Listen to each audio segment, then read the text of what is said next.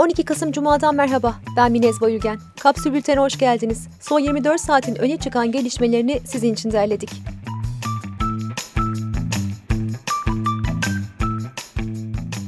Türkiye'nin Geleceğine Genç Bakışı isimli rapor her üç gençten birinin önümüzdeki seçimlere katılmayabileceğini ortaya koydu.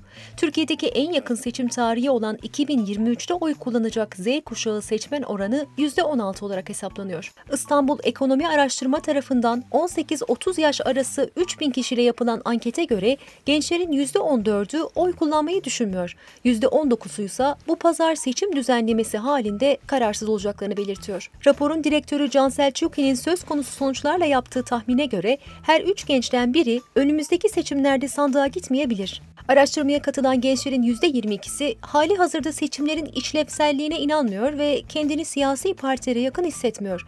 Oracı araştırmanın geçen ay yayınladığı Z kuşağı anketinde CHP %33.8 oranla birinci, AKP ise %11.4 ile ikinci parti çıkmıştı.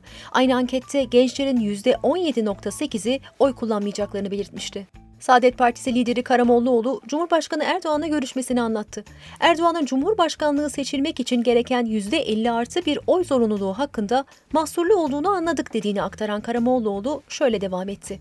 Ekonomik yönden de dış politikadaki gelişmeler yönünden de her şeyin dört dörtlük olduğu kanaatinde hiç problem görmüyor kendisi. Resmi gazetede yayınlanan yönetmelik değişikliğiyle çıplak arama ifadesinin yerine detaylı arama ifadesi getirildi. Çıplak arama yapılması kararının alınması için gereken makul ve ciddi emarelerin varlığı şartına bunun başka bir suretle tespitinin olanaksız olması şartı da eklendi. Değişiklikle ayrıca cezaevlerinde vejeteryan beslenme tercihi de getirildi. Cumhurbaşkanı Erdoğan'ın evinin fotoğrafını çektiği belirtilen İsrailli bir çiftin gözaltına alındığı öne sürüldü. DV'nin aktardığına göre İsrail Dışişleri Bakanlığı olayı doğruladı. Erdoğan'ın hangi evinin fotoğraflandığıysa belirtilmedi. Türkiye'den konuyla ilgili henüz bir açıklama yapılmadı.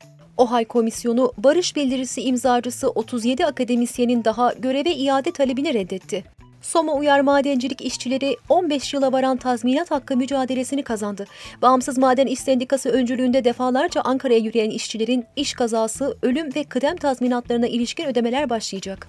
Jeoloji mühendisi Aysun Aykan, Marmara Denizi'nde 10 yıl içinde büyük bir depremin olma ihtimalinin çok yüksek olduğunu ve en çok kıyı ilçelerinin etkileneceğini söyledi. Aykan, ülke genelinde şehir içinden diri fay hattı geçen kent sayısının 24'e yükseldiğini ve bu şehirlerin risk altında olduğunu aktardı. İnşaat Mühendisleri Odası, 12 Kasım 1999 depremi sonrasında Düzce'deki hasarlı binalara güçlendirilmesi tam yapılmadan ve teknik inceleme olmadan yapı kayıt belgesi verildiğini açıkladı.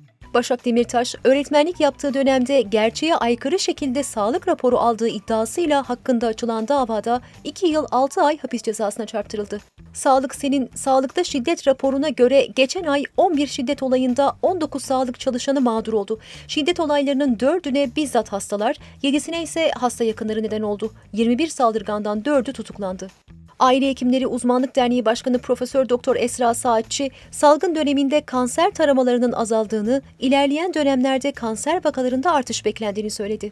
Avrupa Birliği ve Türkiye, Belarus'a giden göçmen sayısını azaltmak için daha sıkı bir kontrol mekanizması kurulması yönünde karar aldı. Buna göre Türkiye'den Belarus uçuşlarında tek yön bileti satılmayacak. Türk Hava Yolları'nın Belarus uçuşlarına diplomatik pasaport veya Belarus'ta oturma izni olmayanlar dışındaki Irak, Suriye ve Yemen vatandaşları alınmayacak. Taliban'ın yönetimini Ağustos ayında ele geçirdiği Afganistan'ı her gün 5000 kişi terk ediyor. Norveç Mülteci Konseyi verisine göre son 3,5 ayda ülkesini terk eden Afgan sayısı 300 bini buldu. İstanbul'da ekmeğin fiyatı resmi olarak 2,5 liraya yükseldi. Ağustos ayındaki zam talebi İstanbul Ticaret Odası tarafından 3 ay sonra kabul edilirken ekmeğin kilogram fiyatı da 9.9 liradan 10.87 liraya çıktı. Merkez Bankası'nın piyasa katılımcıları anketinin Kasım sonuçlarında yıl sonu tüketici enflasyonu beklentisi %19.31 olarak belirlendi.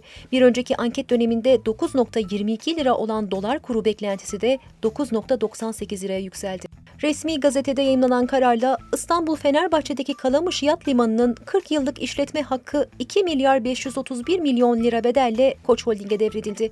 ÇED raporu alınmadan yapılan ihaleye Kadıköy Belediyesi'nin katılması engellenmişti. Bankaların tarım ve balıkçılık alanında faaliyette olan şirketlere sağladığı kredi desteği Eylül sonu itibarıyla toplamda 151 milyar 579 milyon liraya yükseldi. Söz konusu desteğin miktarı geçen yılın aynı dönemine oranla %18.1'lik bir artış gösterdi. Büyük ikramiye tutarının 120 milyon lira olduğu Milli Piyango yılbaşı biletleri satışa çıkarıldı. Çekilişte toplamda 670 milyon 760 bin lira dağıtılacak. BİM, marketlerinde bir haftadır toz ve küp şeker bulunmadığı iddialarını doğruladı. Açıklamada şöyle dendi. Türkiye şeker fabrikalarının şeker satışını neredeyse durdurması, diğer üreticilerin satış fiyatının yüksek olması sebebiyle tüketicimize uygun fiyatlı şeker tedarik etmekte zorlanmaktayız. Muğla genelinde suyun metreküpü 4.27 lira olmasına karşın Milas ilçesinin Güllük mahallesinde 10.75 lira olduğu ortaya çıktı. Güllük mahallesinin su ve kanalizasyon hizmeti 2007 yılında özel bir şirkete devredilmişti. Günün sözüyle kapatıyoruz. Türk Konseyi zirvesinde konuşan Cumhurbaşkanı Erdoğan, eski başbakanlardan Binali Yıldırım'ın yeni görevini açıkladı. Binali Yıldırım'ı Aksakallar Konseyi'ne Türkiye'nin aksakalı olarak atadık. Kapsül'ün e-bültenlerine abone olmak için kapsül.com.tr'yi ziyaret edebilirsiniz. Hoşçakalın.